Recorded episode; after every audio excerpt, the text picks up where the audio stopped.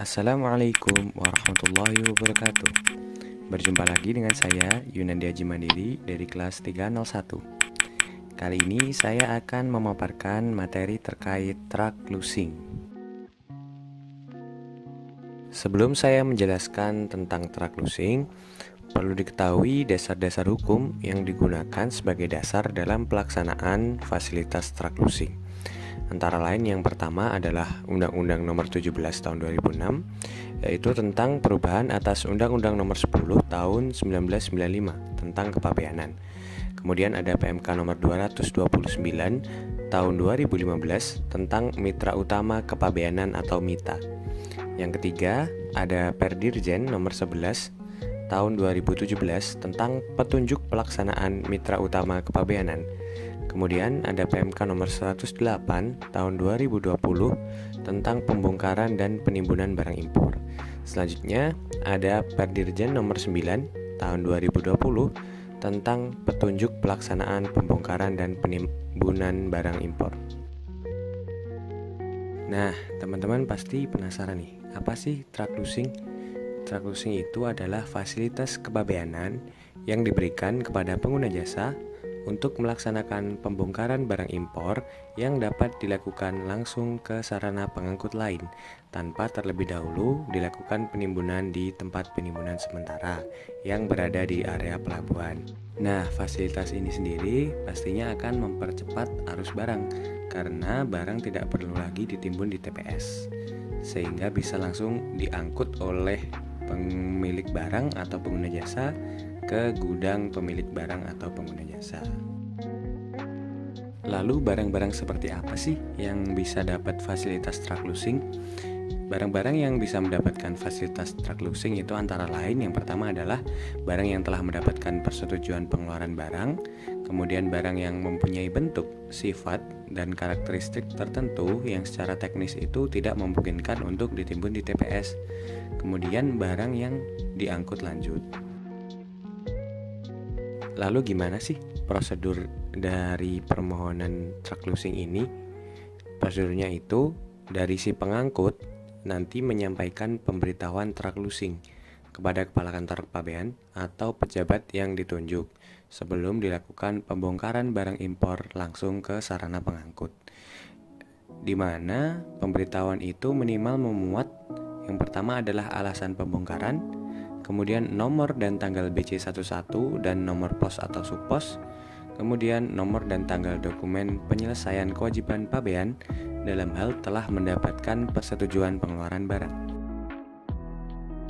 Nah, di syarat barang tadi kan ada barang-barang yang memiliki karakteristik tertentu yang tidak dapat ditimbun di TPS.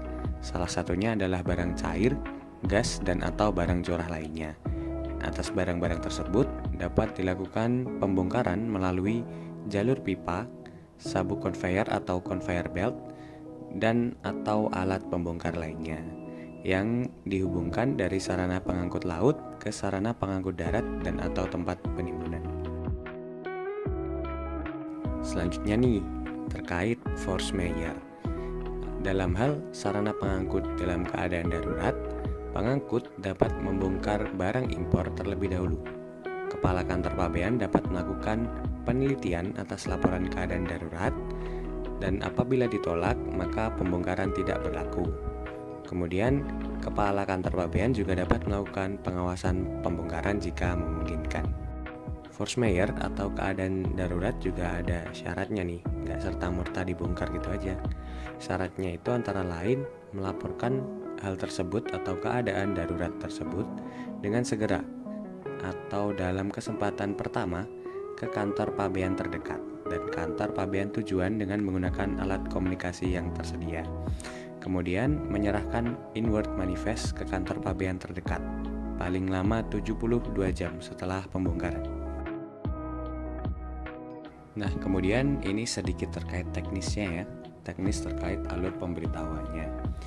Yang pertama dari pemohon atau pengguna jasa itu mengajukan permohonan ke Kepala Kantor Pabean. Kemudian Kepala Kantor Pabean melakukan penelitian pemberitahuan yang disampaikan dan dapat dilakukan pengawasan. dalam hal dilakukan pengawasan pembongkaran, apabila barang impor telah mendapatkan persetujuan pengeluaran, maka dilakukan pengawasan traclusing dan membuat laporan hasil pengawasan. Namun, apabila barang tersebut belum mendapatkan persetujuan pengeluaran, maka dilakukan pengawasan traclusing, kemudian melakukan penyegelan, membuat BA penyegelan, lalu membuat laporan hasil pengawasan. Setelah dilakukan pengawasan, maka akan terbit laporan hasil pengawasan. Pejabat bea cukai yang menerima laporan tersebut akan mencocokkan dengan data yang ada di inward manifest. Apabila datanya sesuai, maka pejabat bea dan cukai menyampaikan salinan laporan hasil pengawasan kepada pejabat yang menangani perizinan dan mengadministrasikan laporan tersebut. Kemudian apabila tidak sesuai, maka akan dilakukan penelitian lebih lanjut terkait lebih atau kurang bongkar. Kemudian menyampaikan salinan laporan hasil pengawasan tersebut kepada pejabat yang menangani perizinan dan menyampaikan laporan pengawasan kepada pejabat pemeriksa dokumen apabila barang yang diajukan adalah barang curah. Baik, teman-teman, mungkin itu saja materi yang dapat saya sampaikan. Seumpama teman-teman masih penasaran, bisa tuh dibuka-buka lagi dasar hukum yang tadi sudah dicantumkan. Mungkin itu saja ya. Semoga bermanfaat. Tetap jaga kesehatan dan jaga kebahagiaan. Terima kasih. Wassalamualaikum warahmatullahi wabarakatuh.